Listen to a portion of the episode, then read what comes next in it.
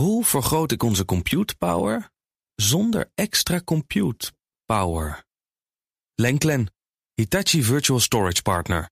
Lenklen, betrokken expertise, gedreven innovaties. Tech Update. We hadden Conor Klerks. Conor, goedemorgen. Goedemorgen, Bas. Amazon verlengt het verbod op het gebruik van hun gezichtsherkenningssoftware door de Amerikaanse politie. Ja, dat gaat om uh, Recognition. Dat is uh, gezichtsherkenningstechnologie die Amazon heeft ontwikkeld.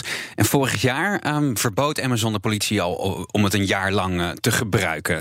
de bedoeling was dat het congres met wetgeving zou komen. Want ze willen gewoon regels hebben. Hoe mag die software nou precies ingezet worden? Nou, dat is vooralsnog nog niet gelukt. Um, dus nu zegt Amazon, we schort het gebruik voor onbepaalde tijd op. Ja, het heeft natuurlijk ook te maken met, uh, met de protesten uh, die in, uh, in Amerika begonnen na aanleiding van de dood van George Floyd. Um, en activisten die vrezen eigenlijk dat de overheid dit soort gezichtsherkenningstechnologie zou kunnen gebruiken om mensen etnisch te gaan profileren. En Mhm. andere critici die maken zich ook gewoon zorgen over de inbreuk van, op, op mensen hun privacy door het gebruik van dit soort software. Nou zou Recognition ook volgens onderzoek moeite hebben met het herkennen van het geslacht van mensen met een donkere huidskleur, maar dat weerspreekt Amazon. Ja, maar wordt het, waar wordt het Recognition wel voor gebruikt? Nou, Amazon zegt dat uh, Recognition wel nog mag worden gebruikt door organisaties die bijvoorbeeld vermiste kinderen en uh, slachtoffers van mensenhandel opsporen.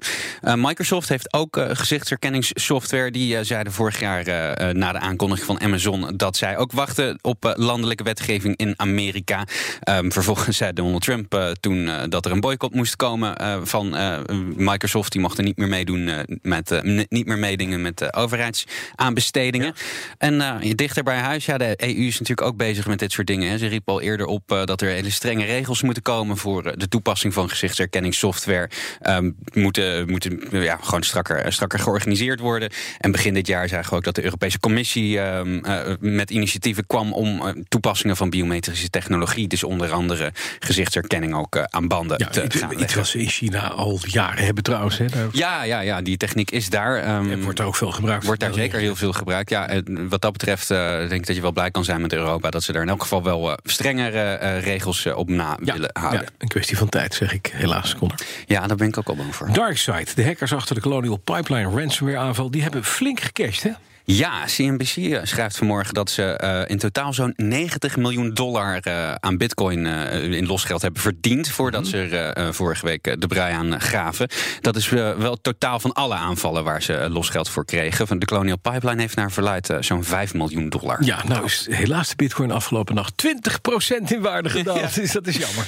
Ja, ze maar, hadden ook al eerder gecashed. Hoe, hoe, weten we dit? Nou, er is een blockchain analytics bedrijf uit Londen. Elliptic okay. heet dat. En die zeggen dat ze de bitcoin wallet hebben gevonden die DarkSide zou hebben gebruikt. Uh, negen maanden waren ze actief en ze zouden 47 slachtoffers bereid hebben gevonden om te betalen. Gemiddeld uh, zo'n 2 miljoen dollar. Inmiddels zijn ze in elk geval onder de naam DarkSide uh, gestopt. Het werd wat heet onder de voeten nadat de FBI ze beschuldigde van die Colonial Pipeline aanval. Maar het was toch niet helemaal de bedoeling om Amerika zeg maar plat te leggen. Plat te leggen. Um, een deel van de bitcoin die, die ze hadden zou in beslag zijn genomen. Maar er is hier wel echt heel veel geld verdiend in elk Ja. geval. Inderdaad, behouden dus die terug van de bitcoin. Google komt met een tool om verdachte plekjes op je huid te onderzoeken. Vind ik wel mooi. Ja, een, het is een. AI, de, de, uh, huid, huidonderzoekassistent of zoiets. Ja, ja, eigenlijk wel. Uh, gisteren was het jaarlijkse uh, ontwikkelaars-event van Google, I.O. heet dat. En daar presenteerden ze Google Derm Assist, dus dermatologie. Ja. Um, dat is een AI-toepassing, een appje, en die kan beelden scannen om, om huid, maar ook haar- en nagelproblemen te, te diagnosticeren. Mhm. Moet je je voorstellen, als je een plekje hebt op je huid wat je niet vertrouwt, uh, of een moedervlek of iets dergelijks, dan kun je daar een foto van maken. En Dermassist gaat dat plaatje dan vergelijken met andere beelden van zo'n 288 uh, huidaandoeningen. En dan rolt daar een, uh, een diagnose uit. Het is uh, volgens Google niet de bedoeling dat dit de diagnose door een arts gaat vervangen, maar juist uh, het zoeken wat mensen zelf doen. Want Google zegt jaarlijks zijn er uh, 10 miljard zoekopdrachten via Google naar uh, huid- en haar- en nagelproblemen. En dit zou dan beter moeten werken dan zelf gaan googlen en zelf te proberen te vinden wat er, wat er precies aan de hand is. Ja, maar, maar dit gaan we straks gebruiken, echt? Het zou kunnen. Um, het is in elk geval toegestaan. De BBC zegt dat, dat de app een, een CE-keurmerk merk heeft gekregen. Dus ge- geschikt voor eh, medisch gebruik in Europa. Eh, Google heeft er drie jaar aan gewerkt. Die AI-toepassing die heeft geoefend met een, eh, een, een dataset van 65.000 beelden. En zou ook voor alle huidtypen en huidskleuren goed moeten werken. Ja, nou is de vraag: vinden mensen dit fijn? Willen mensen dit gaan Ja, gebruiken? ik denk het wel. Het is Ik, toch wel handig om ik kan om me ook wel, een- goed voorstellen, om- Een, een, een, als het een melanoom is, wil je het niet hebben. Maar als je gewoon een moedervlekje hebt, nou, dat is niet erg. Maar dit is wel handig Mhm. Ja, om in ieder geval dat ja. eerste even te laten doen met je telefoon. Hè? Ja, ik, ik zie het ook al zitten. Ja, helemaal. Dankjewel, Klerks. De BNR Tech Update wordt mede mogelijk gemaakt door Lenklen. Hoe maak ik van ons VMware-platform een on-prem AI-platform? Lenklen, NVIDIA AI Enterprise Partner. Lenklen, betrokken expertise, gedreven innovaties.